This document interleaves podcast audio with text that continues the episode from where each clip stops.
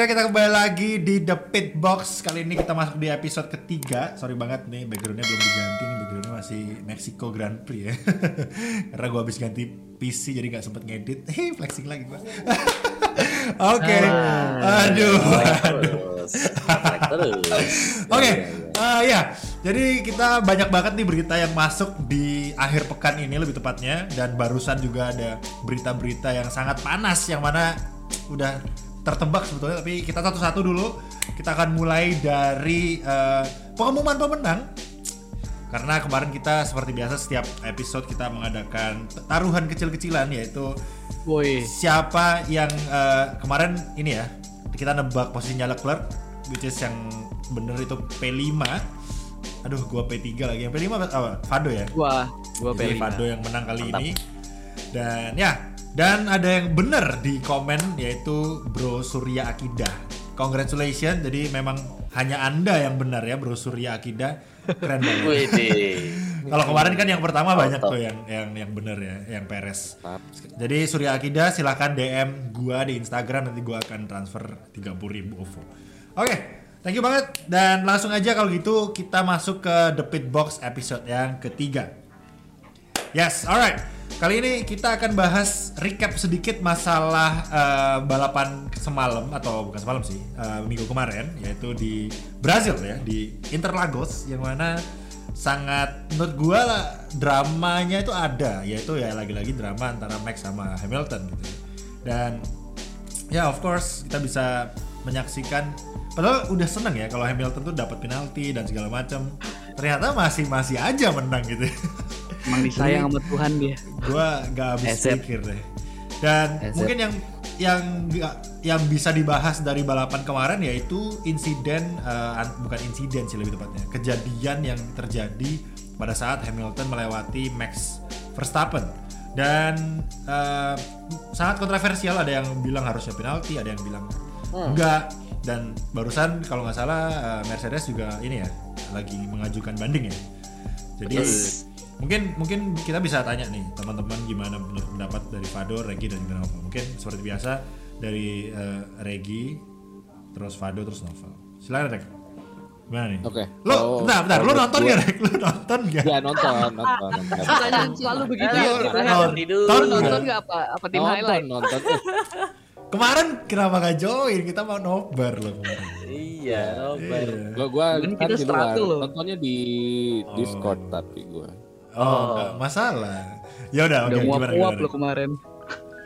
Iya. Oke. Okay. Gua gua seneng banget nonton balapan kemarin ya. Terlebih ya jelas langsung kedua driver itulah istilahnya. Si Lewis sangat tidak diduga-duga sangat menggila di track itu ya. eh, tapi tapi tapi kalau dari lu rek, udah lu lu Gimana? Menyang, menyangka nggak kalau Lewis Hamilton tuh bisa segitunya? Atau lu beranggapan nah kayaknya Lewis kalah nih? Uh, Awalnya menyangka ini sih lebih lebih ke emang lah udah kelihatan dari sprint sih. Udah udah udah udah menang. Udah udah sangat dominasi sih. Sa adik, sampai di balapannya ya, ya? udah. Emang Luis anjing itu sih emang Luis gitu. jadi jadi jadi kalau kalau bahas masalah insiden yang di lab sekian itu gue lupa lab berapa. Itu gimana menurut lu uh, Rek? Ah, kalau menurut gue sih, gue gak bisa uh, bilang itu penalti atau gimana gitu kan. Ya masih ke insiden sih kalau menurut gue. Jadi aman sih kalau buat Hamilton. Cuman ya, ya itulah balapan lah kalau menurut gue. Jadi masih aman sih kalau gak, gak ada penalti-penalti kayak gitu. Kalau menurut gue ya, kalau dari sudut pandang gue sih gitu. Oke okay, oke. Okay. Novel Novel gimana nih? Gimana Val? At first itu kayaknya racing incident ya Uh, nah, nah, lo lo lo ini dulu. Gimana tanggapan lo Hamilton? Maksudnya uh, lo oh. bakalan ngira kan kan kita udah dapat pengumuman disqualified dan start tapi paling belakang nih. Nah, tanggapan lo waktu itu apakah wah kayaknya Hamilton ini nih bakal bakal nggak bisa menang nih di weekend ini gitu atau ah bisa lah gitu itu sih tebakanku pertamanya Hamilton bakalan podium sih bakalan podium waktu kena disqualified kan. Terus uh, disqualifiednya kan di sprint tuh jadi uh. jelas uh, kelihatan kan. Kalau di sprint berarti pas di sprint uh, harusnya bisa uh, naik naik naik dan dia naik emang bener naik sampai kalau nggak salah P6 habis itu P5. di race nya P6 kan startnya eh? waktu di race P11 oh iya P11 ya, ya tur turun 5 Oke, okay, okay. Habis itu turun 5 ke P11 di start startnya aja udah roket banget. Waktu start hmm. tuh kelihatan tuh kayaknya uh, ngebut banget kan. Waduh, ini sih kayak feeling-feelingku bakalan uh, podium uh, challenge podiumnya lebih early yang kukira kukira uh, bakalan apa challenge podium bakalan mungkin 5 sampai 4 lap terakhir gitu kan. Ternyata, Ternyata jauh ya. Iya, udah udah langsung kayak tukeran gitu loh. Kalau kemarin di Meksiko Max sama Luis selisih 10 detik, sekarang gantian 10 detiknya di Brazil. Luis di depan Max gila sih. Yes, pace difference-nya pace difference-nya kelihatan banget. Insiden uh, gimana insiden? RC. Nah, itu juga tuh insiden waktu pertama uh, kelihatan sih kan beberapa lap sebelumnya sempat itu tuh yang di defend kan.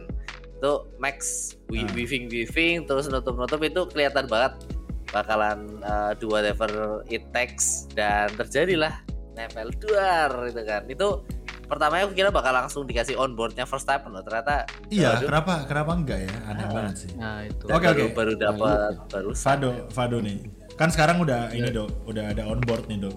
Lo jadi mungkin nah, bisa sedikit menjelaskan nih. Coba kan kemarin pun pas kita nonton sebenarnya Crofty ngomong emang nggak ada data steering wheel gitu ya? Steering ya, data betul, untuk belok betul, gitu kan? Sebenarnya ada cuma nggak mau ditunjukin gitu. Nggak ngerti juga. Kalau menurut gue sih uh, gue baru kali ini kayaknya kayaknya Verstappen sih gitu. Defense tapi defense-nya terlalu egois dia late, menurut gue. Dia late late breaking sih. Iya. Understeer jadinya kan. Uh, gitu. Jadi sebenarnya ya late breaking kan ya salah dia gitu. Cuma ya gimana gitu. Ternyata si Christian Hornernya udah ngomong uh, let them race gitu. Kayak udah jaga-jaga, udah nggak apa-apa lah gitu. Iya, iya. ternyata ya. Mercedes gak terima. Tapi kalau gue lihat sekilas di uh, replaynya yang ada di Instagramnya F1 itu memang steering wheelnya Verstappen ke, ke kiri terus sih, nggak ada sama sekali ke kanan lebih tepatnya dan nggak ada yang lurus gitu untuk uh, run wide. Jadi itu memang pure understeer banget itu.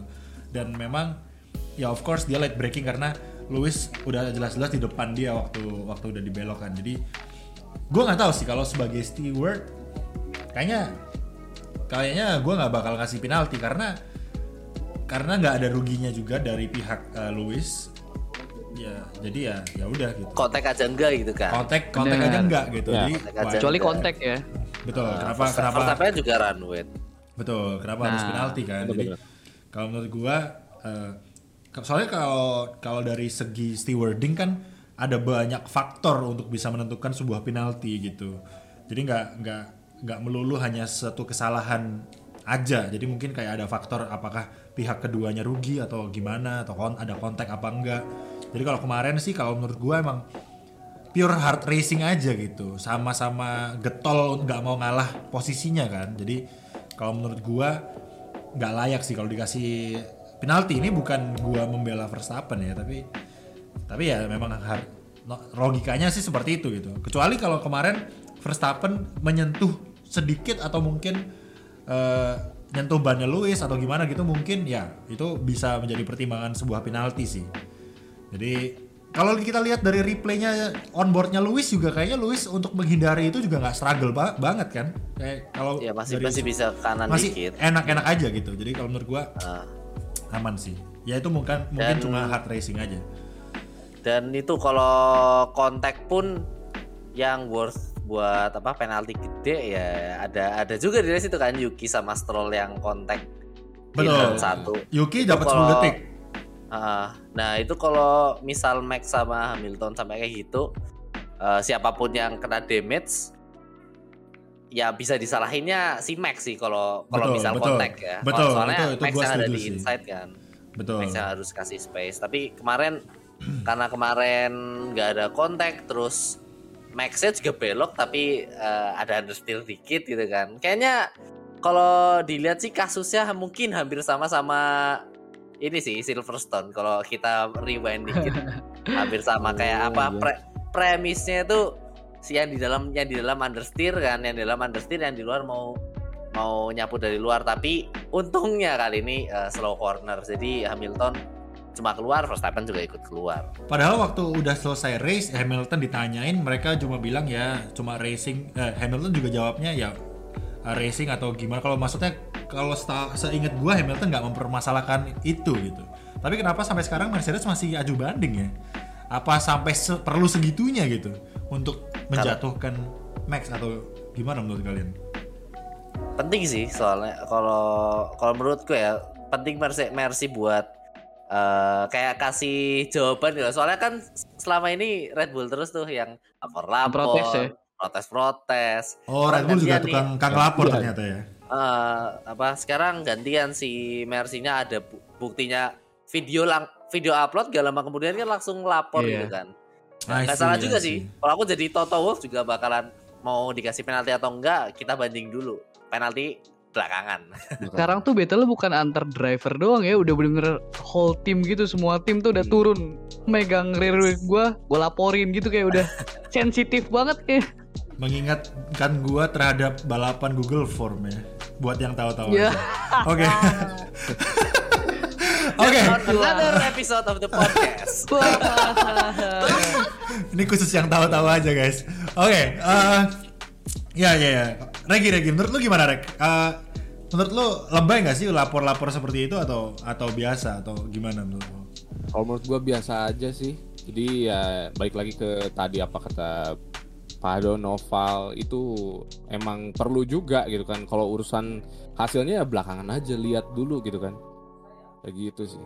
Jadi ya, ya perlu di, ini ini banget. Ya mungkin mungkin ini juga pressure buat Mercedes karena mungkin Mercedes belum pernah akhirnya nih ada tim yang bisa muncul di permukaan yang bisa mempressure Mercedes di akhir musim nih. Jadi kayaknya Mercedes bakal menggunakan apa pun caranya untuk bisa menangkal hal tersebut. Jadi kalau menurut gue sih ya gara-gara itu juga sih. Kayaknya lagian juga orang yang bagian lapor gue yakin juga digaji kan. Daripada dia gaji buta iya, kita lapor iya. aja. Iya kan iya kayaknya iya. ada ada bagian aja deh. yes. Karena at least mereka ada kan. Memang memang job desknya itu kalau menurut gue jadi biasa. Oke okay, mm. mungkin uh, kalau menurut teman-teman bisa chat aja atau chat lagi. Komen ya komen aja di kolom komentar Gimana menurut kalian apakah Verstappen dan Hamilton kemarin layak uh, mendapatkan penalti Max atau mungkin Hamilton atau mungkin racing incident menurut kalian silahkan aja komen di bawah nanti kita akan baca. Oke, okay, kita lanjut uh, ke berikutnya. Uh, sekali lagi Baru aja ya. Yes. Mungkin sekali lagi kongres buat Lewis Hamilton ya udah bisa dari last to first udah kayak ini ya apa namanya? Yeah. Jarnomir. Jarnomir. Sama-sama di tim Mercedes lagi kan gila. Oke okay, oke. Okay. Uh, kita sekarang ke news yang sangat panas yaitu uh, Alfa Romeo yaitu masuknya dan tebakan gue benar ya Guan Yusu. Aduh, sekarang siapa yang nggak mau 30 juta euro? 30 juta euro, bukan dolar loh. Coba, gue penasaran ya, 30 juta euro tuh berapa? Berapa sih? 30 juta euro to IDR. Euro tuh 16 ribu. 484 miliar guys. Nah, tapi tahun tahun depan million. bukannya ada budget ya? ini, budget cap gitu. Cap. Ah, sebentar. Kan bisa buat upgrade upgrade begitu. Soalnya oh, ada iya. ada yang masuk ke budget. Uh. Jadi tuh ada pembagiannya budget cap. Aku nggak tahu gimana detailnya, tapi ada pembagiannya.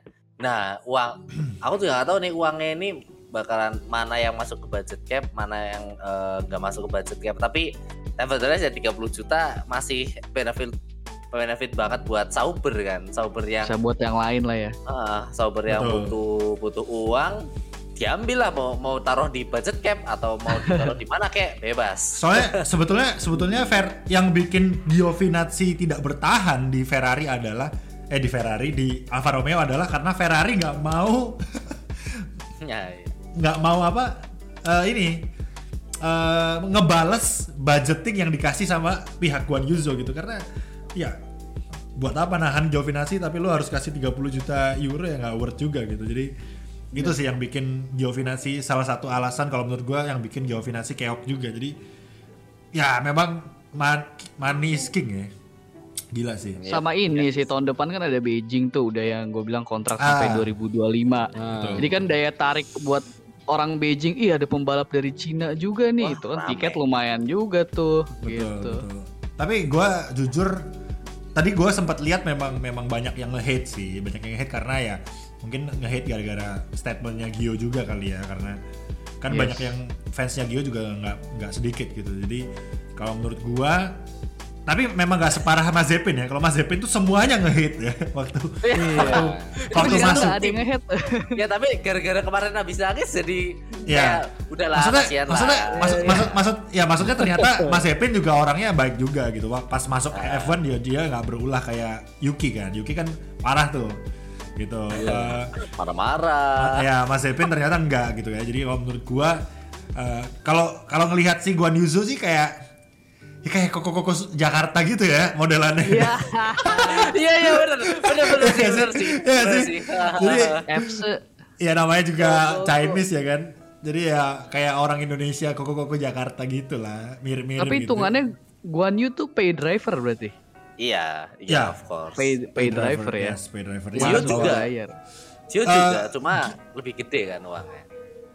Buk, si kalau uh, kalau setahu gua kayaknya tetap digaji deh si Guan Yusu. Cuma ini kayak mahar gitu kali ya untuk bisa lu bisa masuk ke Alfa iya. Romeo. Gua kasih 30 juta euro nih ke Alfa Romeo tapi lu harus masukin si Guan Yusu dan lu gaji gitu. Kayaknya tetap digaji yes. deh. Setahu gua sponsor, ya. Sponsor juga, sponsor sponsor yeah. juga kan.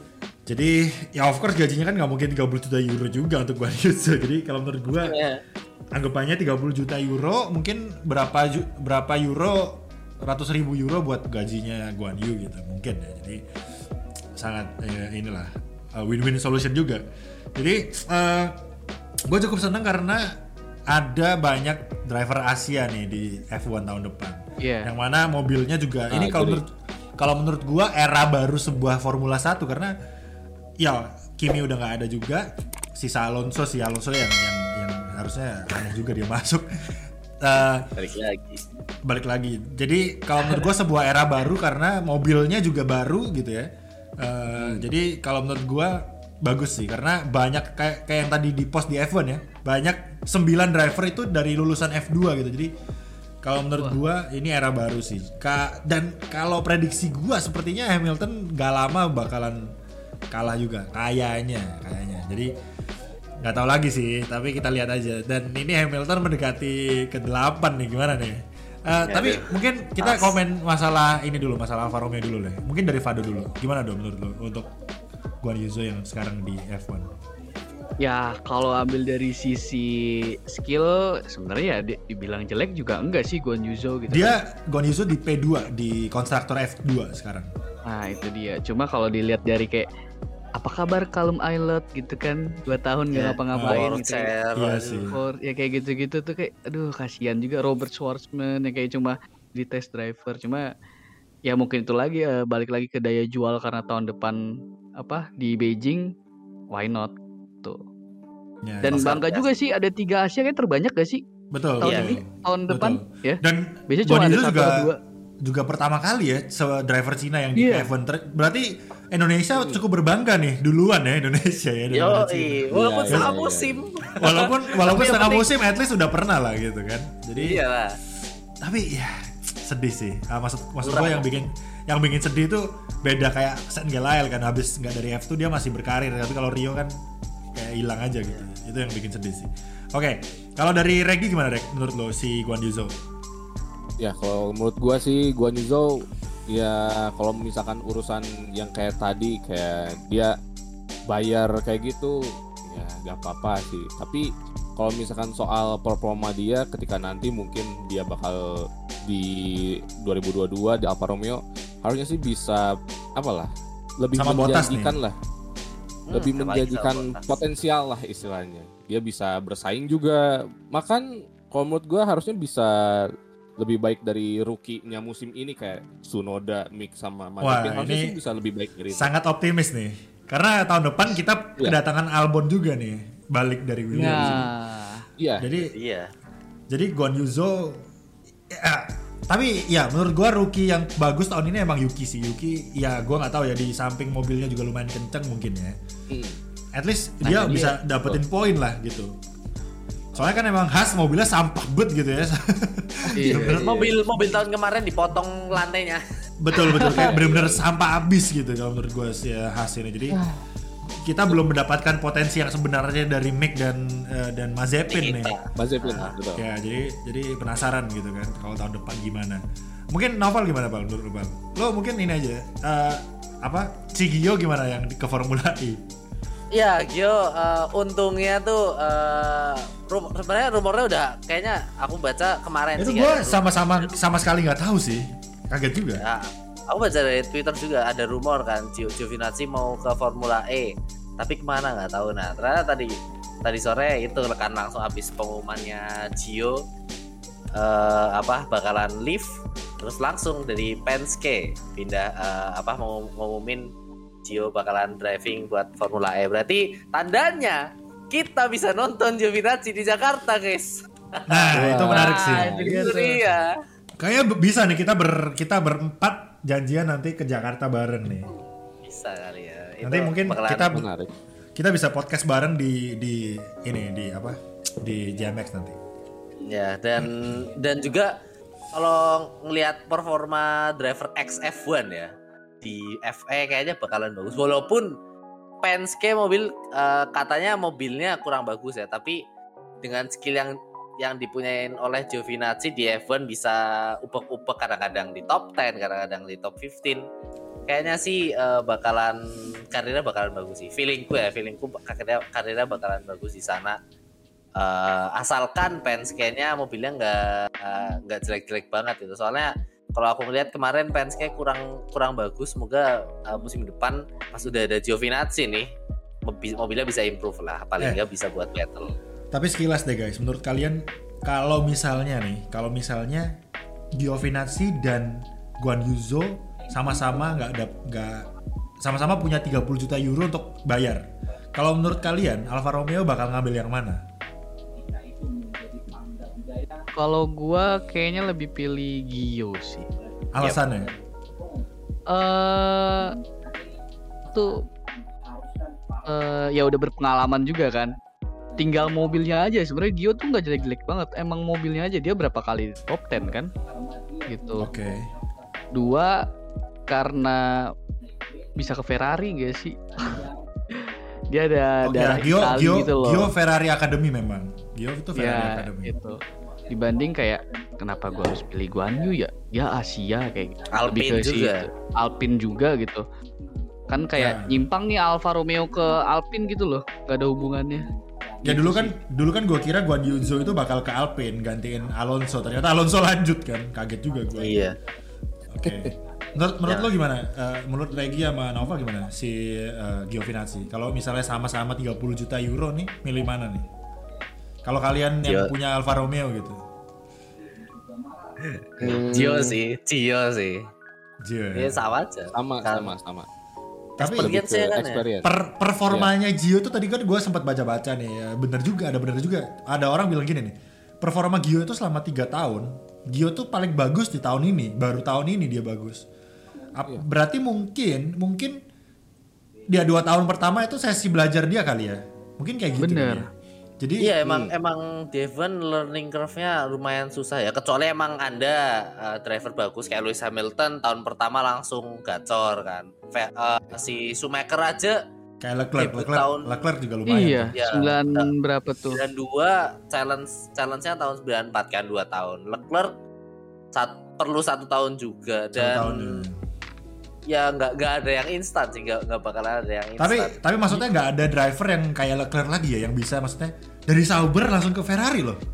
Nah itu dia. Kalau Gio nah. dikasih kesempatan mungkin akan bisa gitu. Tapi kayaknya tapi kayaknya line up Ferrari itu masih muda dan masih kuat banget kalau menurut gua. Bener. Line up Ferrari ini nah, digadang-gadang kan orang-orang bilang line up yang paling kuat nih untuk kalau misalnya mobilnya bisa gacor ya.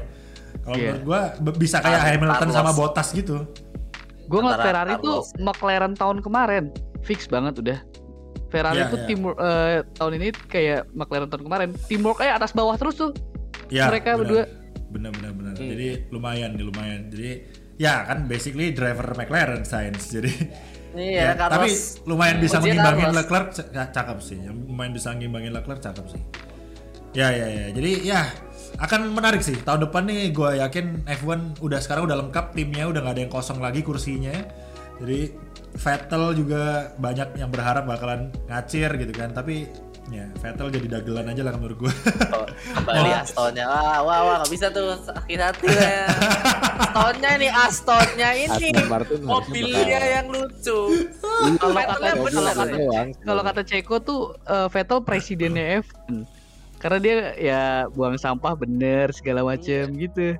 Iya iya iya. iya. Tapi ya tapi, tapi memang memang memang memang kalau nggak ada Vettel uh, emang kehilangan sosok F1 sih karena Kimi udah cabut Ya gue nggak anggap nggak nganggap Alonso sih soalnya Alonso tuh nggak tahu gue nggak nggak nggak terlalu ngefans Alonso jadi itu personal. Nggak kelihatan. ya tapi uh, untungnya performa dia tahun ini nggak nggak jelek sih masih bisa ya, ngimbangin ya, Kimi lah at least. Jadi ya oke. Okay. Oke okay, uh, eh, terakhir nih kita bahas sedikit masalah Losel sih. Losel uh, Qatar ya Qatar. Ya, ini track yang tidak pernah ada kalau nggak salah atau udah pernah belum. Mungkin kalau pernah, pernah dulu banget atau nggak pernah kan? Nggak pernah ya. Belum. Jadi belum bener-bener baru buat F1 tapi kalau sekilas itu kayaknya mirip mirip mirip sama Bahrain Short gitu ya kalau menurut gua sih. Jadi kalau uh, dilihat-lihat sih mungkin Mercedes lagi deh ini, Mercedes track. Iyalah. Ngebut banget kemarin kayak roket. Itu tuh Mercedes tuh bingung gua. Sebenarnya drivernya juga yang dewa apa emang mobilnya yang ya drivernya dewa plus ini. plus mobilnya dua juga dewa. Dua-duanya. Dua dua-duanya. Dua-duanya sih. Iya makanya jadi gimana gimana? Uh, kalian kira-kira ada something gak yang yang menarik gitu kalau ada di Qatar nih apa ya hmm. ini sih yang sering balapan di Qatar bang Regi gimana bang Oh, ah iya, iya, Regi kan Regi kan dari MotoGP nih. Coba coba. Lo dari iya. pandangan lo gimana, Dore? Track itu kayak gimana tuh?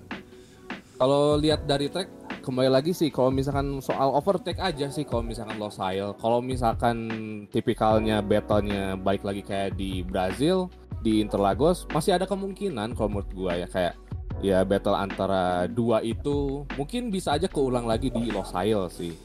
Nah cuman itu aja. Soalnya kan nggak ada apa ya tempat buat benar-benar bisa battle battle kecuali di long straight doang kalau menurut gua ya. Karena long straightnya cuma satu ya, kan di main straight itu kan? Iya di main iya, straight itu di final final corner lah di tikungan terakhir. Udah itu aja sih. Kalau sisanya ya tinggal bagaimana benar-benar menye, apa ya mencari kesempatan atau juga kesalahan lah kira-kira kayak gitu sih kalau di uh, tapi kalau dari lebar tracknya lebar nggak rek atau sempit lebar sih lumayan, lebar sih lumayan. Cuman ya menuju tikungannya itu banyak banget dan kesempatan buat overtake juga bakal agak nanggung sih kalau misalkan yang gua pikirkan ya, yang gua pikirkan ah. aja sih. Yang gua okay. ya kiranya buat ntar bakal kayak gitu sih. Lebar okay. sih lebar kalau tracknya. Gua coba uh, apa namanya buka Losail International Circuit itu dia memiliki 16 tikungan dan panjangnya 5,8 km. Jadi 16 tikungan tuh nggak terlalu banyak tuh honest compare tuh Jeddah ya Jeddah tuh gila 20 banyak banget Jeddah itu ah, walaupun banget itu. Iya, gua gua pas main gak kemarin nggak bisa diem gitu ya, ya ini kita kita ha, untuk episode kali ini masih nggak terlalu bahas jeda guys. Karena kita simpan hmm. untuk episode berikutnya karena kan habis habis uh, Qatar nanti. Jadi tunggu aja sabar aja. Dan kalau tertarik melihat track jeda seperti apa ada di channel kita masing-masing nih. Uh, yep, kita yes. udah mainin uh, jeda juga. Mungkin kurang Fado doang yang nggak update. Ya kebanyakan bucin soalnya. Jadi di sini tenang di sini bikin gua langsung. Oke okay, jadi uh, mungkin ada pendapat lain uh, terakhir soal Qatar dari Regi dan eh Regi udah tadi dari Fado apa Novel. Kalau gue jujur gue nggak terlalu paham Qatar jadi gue nggak bisa kasih pandangan cuma yang pandangan sekilas dari gue ya itu tadi ini track Mercedes sudah. Kalau dari Fado sama Novel mungkin ada yang lain? Gue dulu deh ya Pal, lo yang lebih banyak pasti. nah kalau soalnya apa ya kalau Qatar nih aku lihat-lihat orang main di Assetto Corsa gitu kan. Kan di Assetto Corsa bisa custom track tuh. Ah, Assetto Corsa. Track tracknya walaupun pandang pasti naik turun sih apalagi sektor 2 nya so uh, ini ada elevasi-elevasi gitu ya? Tetap iya, ada, ada, ada ya? elevasinya. Hmm. Sur surprisingly ada elevasinya tapi uh, ini Bahrain apa ya gue lihat sekilas itu ya. tinggal ya tinggal masalah ini sih top speed yang jelas. Mercy nah, Mercy-nya Lewis Hamilton besok bakalan gacor sih fix. Ini bahaya baru ganti kan. Ya Red, Red Bull Red Bull tuh sebenarnya bisa cuma kalau ngelihat kemarin tuh udah next round aja bol next next round aja bol lumayan okay. jeda itu lika-likunya enak buat Red Bull Fado Fado gimana dok? Gua gua langsung prediksi kayaknya deh uh, Mercedes sih karena kemarin tuh kan gue bilang itu kemarin tuh itu semua tim minder itu ngeliat Mercedes. Itu apa ya, tuh mobil ya, apa apaan betul, sih? betul. sakit dah itu. Betul. Semua tim minder itu. Pasti sih pasti udah sih. liganya udah beda itu Mercedes itu. Betul. F1 ada Formula 0,5 apa 1,5 ya, ya? Jadi yeah. ya kalau kalau ya lagi-lagi masalah prediksi hitungan dikit mungkin kalau Hamilton satu persapan dua di dua race berikut ini uh, Jepan ini itu poin mereka di Abu Dhabi akan sama persis. Jadi uh, kalau menurut gua ya, jadi battle kalau menurut gua kemungkinan besar, kemungkinan besar banget memang battle terakhir itu akan ditentukan di Abu Dhabi, poin terakhir. Wah, jadi gila sih. Dan kalau menurut gua Max Verstappen menang di Abu Dhabi juga udah lumayan sering. Jadi kemungkinan besar mungkin Max bisa menguasai Abu Dhabi, mungkin.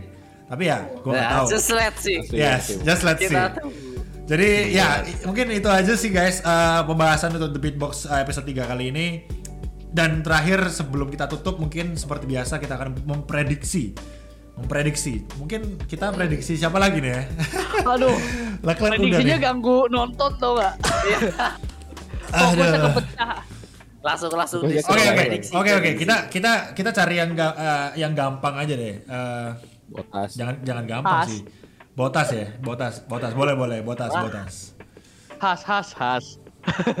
botas, botas, botas. Karena kan oh botas aja. Has botas 1920. Tapi botas P3 nih paling ya. P3 lah paling bisa bisa. Kayak kalau lihat kemarin sih P3 nih botas nih. Tapi ya okay. jangan Mercedes sama ini kali ya. Mungkin kita coba tebak yang lain. Iyalah, yang lain lah. Tim yang tim yang aneh-aneh kayak apa ya? Alpin kayak Alpin kan kemarin di praktis dua kayak gitu tiba-tiba oh, dia oh gue tahu gue tahu gue tahu gue tahu gue tahu Gasly Gasly Wah, wow. ya, ya, Gasly. Gasly. Ini Gasly. penghuni papan tengah, guys. Betul, Gasly itu gila itu itu, uh, itu under, underrated banget itu Gasly. Asli. Oke, okay, oke, okay, oke. Okay. Terakhir nih sebelum eh, kita sekalian kita penutupan nih. Prediksi untuk Gasly di Losail. Oke, okay, uh, eh, karena kemarin Fado menang, Fado berarti terakhir. Gue yang nggak pernah pertama, jadi gue pertama. Ah, uh, Gasly. P6 deh gua. P6. Itu. P6 Gasly. Oke. Okay. Oke. Okay. Regi. Uh, Regi, Regi. Gasly ini kadang bagus gitu ya. lah itu. Yang patah kadang GNF. tapi enggak lah akhir-akhir baru. Gasly. Iya, yeah. coba coba. Gasly, gua P6. Gua 5 deh, gua 5. Uh, ini. Oke, okay, oke. Okay. Ini, ini udah susah nih. Soalnya Gasly itu top 4 susah, tapi kayak lah tujuh delapan itu kayak gak mungkin ya sih. Top lima enam kan? Lima enam, ya. lima enam, lima enam gitu. Kalau ada aja. Di, kemarin di, kemarin Gasly P delapan kan? Eh delapan apa sembilan apa tujuh ya? Kemarin lima enam tuh 5. Ferrari. Oh iya, Gasly Ferrari. 4, kemarin di Brazil lima enam Ferrari. Tujuh berarti. Ya? Iya, kayaknya tujuh ya. Iya dah. Tujuh ya. Lupa. Tuh, bisa, bisa. sih ini. Top ten pasti. Asli. Pasti Gasly top ten cuma ya, cuma nggak tahu di, di berapa gitu. Hmm. Berapa ya? Aduh. Kalau kalau Gasly nggak dapat apa-apa ya guys, kalau nggak ditabrak atau gimana ya? Ya, tujuh nah, deh. Gasly tujuh deh. Oke, okay, tujuh. No, berarti Fando terakhir berapa lo? Delapan dong. Empat deh, empat deh. Oh, Oke. Okay. Aduh. Oke. Empat lima enam. Oke, gua enam, Regi lima, Fado enam. Eh, ya, Fado enam. Fado, eh, Fado empat, uh, Naufal enam ya. Ya, lu, eh lu tujuh. Gua yeah. gua enam. Oh Regi yeah. lima. Oh ya. Lima. lima. Jadi empat semua tuh. Empat, lima, lima, enam, enam tujuh. Tujuh. Oke. Okay.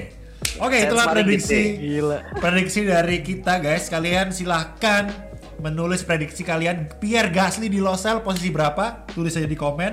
Nanti seperti biasa yang menang akan uh, yang benar kalau lebih dari satu akan kita undi tapi kalau cuma satu orang langsung kita akan berikan OVO atau ke GoPay 30 ribu jadi ya ikutan aja. Oke, itu aja untuk episode kali ini. Terima kasih banyak. Nantikan episode berikutnya karena kita akan bahas uh, jedah ya. Uh, berarti di minggu depan setelah Losel. Jadi tungguin aja, pantengin terus jangan lupa untuk di subscribe channelnya JMX Phantom TV. Kita pengen mencapai 1000 subscriber di, sebelum akhir tahun. Kalau kita mencapai 1000 kita akan mendapatkan mengadakan giveaway besar-besaran katanya yang punya JMX gitu ya. Jadi ya semoga ya kalian tinggal klik aja subscribe. Oke, okay, thank you banget. Jangan lupa untuk mampir ke channel kita masing-masing, link ada di description. Jangan lupa subscribe juga ke channel kita masing-masing, follow Instagram kita juga. Dan ya, yeah, I'll see you atau we'll see you in the next The Pit Box podcast episode. Thank you guys, see you, bye bye.